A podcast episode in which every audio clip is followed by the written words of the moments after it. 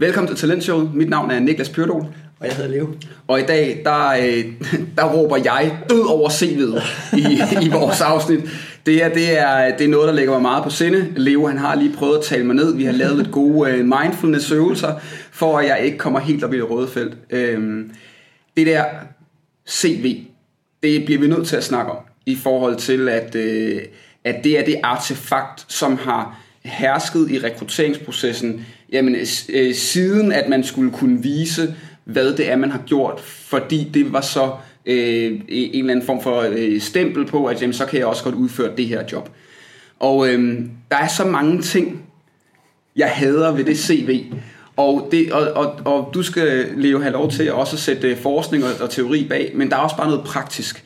Nu, jeg er jo en af dem, der er meget aktiv på LinkedIn, og jeg, øh, fordi at jeg jo kloger mig på ting, der har med HR og rekruttering at gøre, så har jeg lige rigtig mange mennesker, der også henvender sig til mig. Øh, både privat, altså venner, familie, men lige så meget faktisk mennesker, der netop så ser noget på LinkedIn og skriver for gode råd i rekrutteringsprocessen, fordi de oplever det der CV. Det, det, er, altså det begrænser dem for vildt. Det er, hvis de vil skifte branche. Det er, hvis de er for unge og derfor bliver betegnet for lette og uerfarne. Det er, hvis de er for tunge fordi jamen, de har for meget erfaring. Det er, hvis de er for gamle. Det er, hvis de har et udlandsklingende navn. Det er, hvis de har et forkert billede. Altså, der er så mange faktorer i det CV, der, undskyld mig, bare skaber øh, dårlige undskyldninger for recruiter og ansættende chefer til at fare kandidater af banen for tidligt, uden at have nogen som helst idé om, om det menneske, som har ansøgt den her stilling, rent faktisk kunne være det rigtige match. Altså, jeg, jeg hader CV'et helt ind i knoglerne.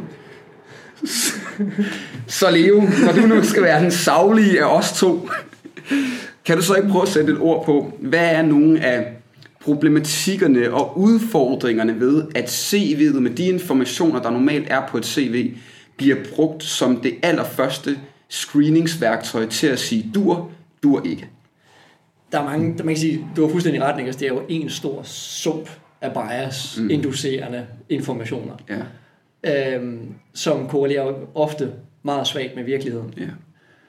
Ja. Øhm, en af de første ting, man kan sige, og noget af det, jeg synes, der er rigtig interessant, det er sådan en, en bølge af forskning, der sker inden for strategiforskning, hvor man kigger, det hedder Strategy as Practice, hvor man faktisk er begyndt at gå ind og kigge på, hvad gør dokumenter egentlig?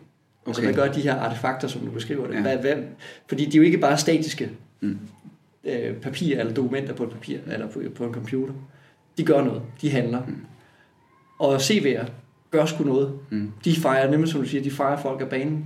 Det er en super, super, super potent øh, dokument, som vi slet, slet ikke reflekterer nok over ja. brugen af.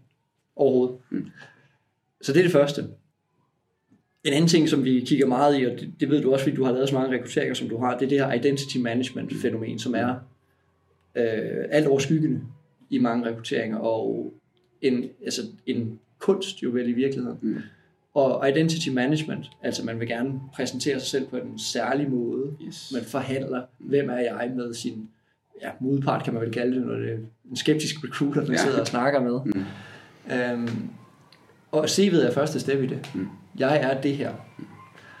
Øhm, så, der, så den der identity management, den, den begynder sådan, man kan, og man kan ikke se bort fra det, når man læser den information altså det, det bliver lige pludselig noget, man bygger videre på igen, magten af det her dokument. Mm. Jeg kunne godt tænke mig at vide, Niklas, din egen erfaring med det her, fordi jeg kan høre, det er jo noget, der, der rammer dig dybt ind i hjertet. Ja. Kom lige med nogle fortællinger om, hvordan, hvordan har du set det her fungere i virkeligheden? Eller ikke fungere, er det jo nok nærmere. Jamen, jeg, jeg har jo øh, set det på den måde, at man, der bliver lagt antagelser ned i et CV. Altså ud fra 5-10 sekunder, så er der allerede mennesker, der tænker, ham her vil kede sig i det her job. Hende her, hun vil ikke have den struktur på. Mm. Øhm, ham her, han vil ikke kunne overskue den her teknologi. Øh, hende her vil ikke kunne styre den her kompleksitet af projekter. Øh, ham her vil bare bruge det her job som et stepping stone videre. Det er, det er usmageligt. Altså det er, at vi på baggrund af, altså det er jo 95 vores egen biaser, som bare læser noget, og så har vi allerede dømt et menneske, altså og, og holistisk, altså mm. dømt hele mennesket som pakke. Hvordan vil de opføre sig? Hvordan vil de reagere? Hvad er deres motivation for overhovedet at søge jobbet? Det er, øhm, og, og de dialoger, de samtaler, som jeg har været med til at have, Og det er også derfor, at det, at, jeg, at det berører mig, det er fordi, at jeg kan jo mærke i maven mig selv som menneske. Jeg har jo siddet i det. Jeg er jo ikke sådan heldig, der så sad og havde de her processer, og så sådan, jamen, jeg var bare, du ved, jeg kunne sagtens øh, på LinkedIn, øh, når jeg lavede min search, så skille tingene ad. Nej, overhovedet ikke.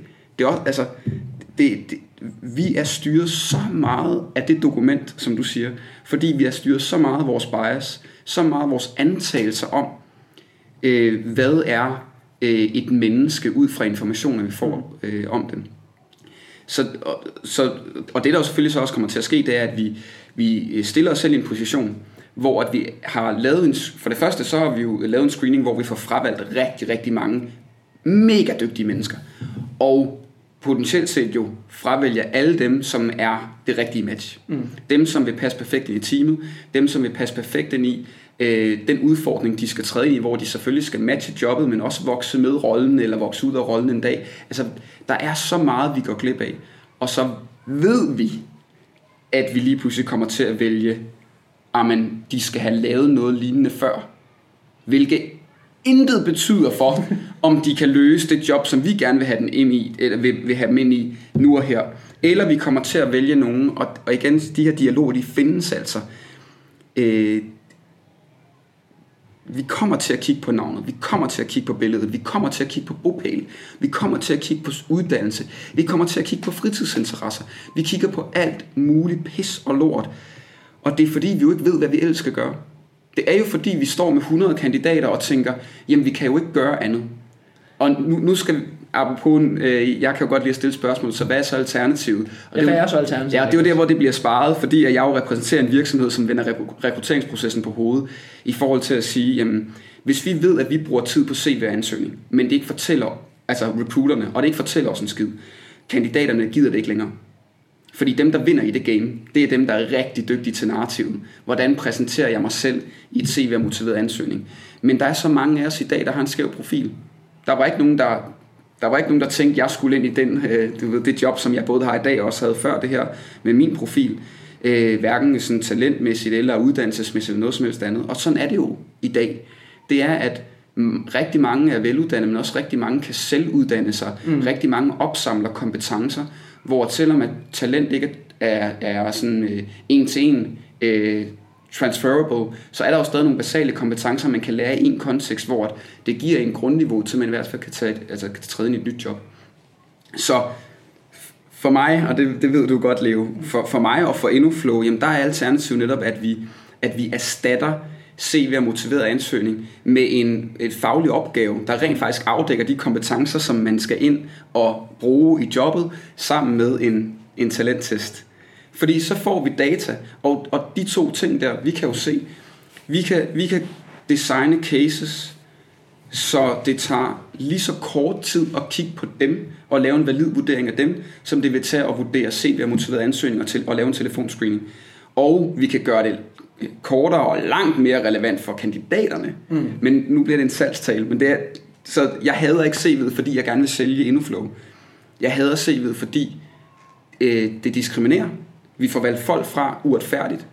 Vi får reproduceret øh, vores egen dårlige rekrutteringer, yes. fordi lederne bare får lov til at ansætte i eget billede. Øh, og, øh, og det er upræcist. Altså vi får ikke valgt de mennesker, der har den rigtige sammensætning af adfærdstalenter og de rigtige fagfaglige kompetencer. Vi, fordi vi får, simpelthen ikke, vi får simpelthen sorteret for mange af dem fra, fordi vi kigger på erfaring og hvem kan så sætte sig og være bedst i det her. Og det sjove er bare lige, jeg har jo fået nogle vanvittige jobs for tidligt, fordi jeg er rigtig dygtig i den her proces. Jeg hader det ikke, fordi jeg taber. Jeg vinder. Jeg som menneske vinder, fordi i, forhold til identity management, der er jeg rigtig, rigtig dygtig. Mm. Jeg har været rigtig dygtig til CV og motiveret ansøgning, og jeg er især rigtig dygtig til en samtaleproces. Så, så det her er ikke mig personligt. Altså, øh, jeg vil have sværere ved... Det er din hjemmebane. Ja, det her det er mig. Er du sindssygt, mand? Jeg, altså, øh, hvis vi fortsætter, så, så kan jeg få nogle vanvittige stillinger i forhold til, hvad mine kompetencer rækker til. Nu sidder jeg heldigvis lige der, hvor jeg skal være de næste mange år. Og det er nok også derfor, nu kan jeg jo trykke mig langt.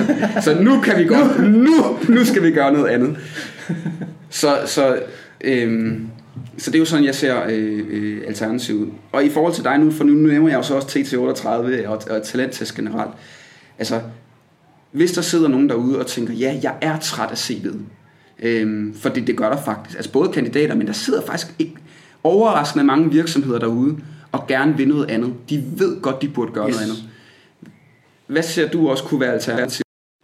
Altså, jeg vil, altså talenttest er jo en, en måde at gribe det an på, fordi vi får de her talenter, talenter er bredt anvendelige. Mm. Så man, man kigger ikke på, okay, har du erfaring fra branchen? Mm. Man kigger på, har du talent for det her stykke arbejde?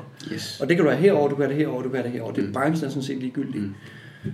Øhm, plus talenter giver bedre værk, altså bedre analytiske muligheder i forhold til match med team, match med job og match med nærmeste leder og sådan noget. Øhm, og det siger øh, ens CV jo intet om. Mm. En C, et CV siger intet, og også selvom man sætter resultater og alt muligt andet crap ind. Mm.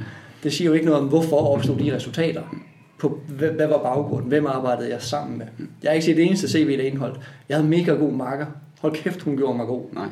Det findes ikke. Nej. Fordi det er altid mig, der skal være excellent, og mig, der har været, der har været ansvarlig for den her vækst i, mm. hvad fanden vi har, målbare parametre. Mm. Øhm, og det er jo endnu en ting, som CV'et reducerer. Mm.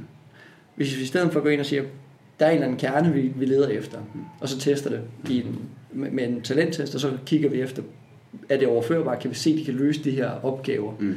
Bruger de den hvad kan man sige, opgaveløsningsmetodik, den logik, vi gerne vil have? Mm.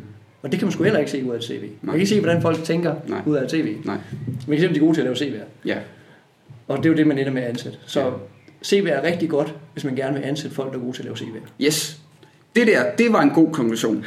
så sidder du og mangler en person, der skal være stjernedygtig til at lave CV'er, som for en øverst i bunken. Så? Så kigger du på CV'er, for så er det kompetencen i sig selv, det er at kunne lave gode CV'er. Det giver faktisk rigtig god mening.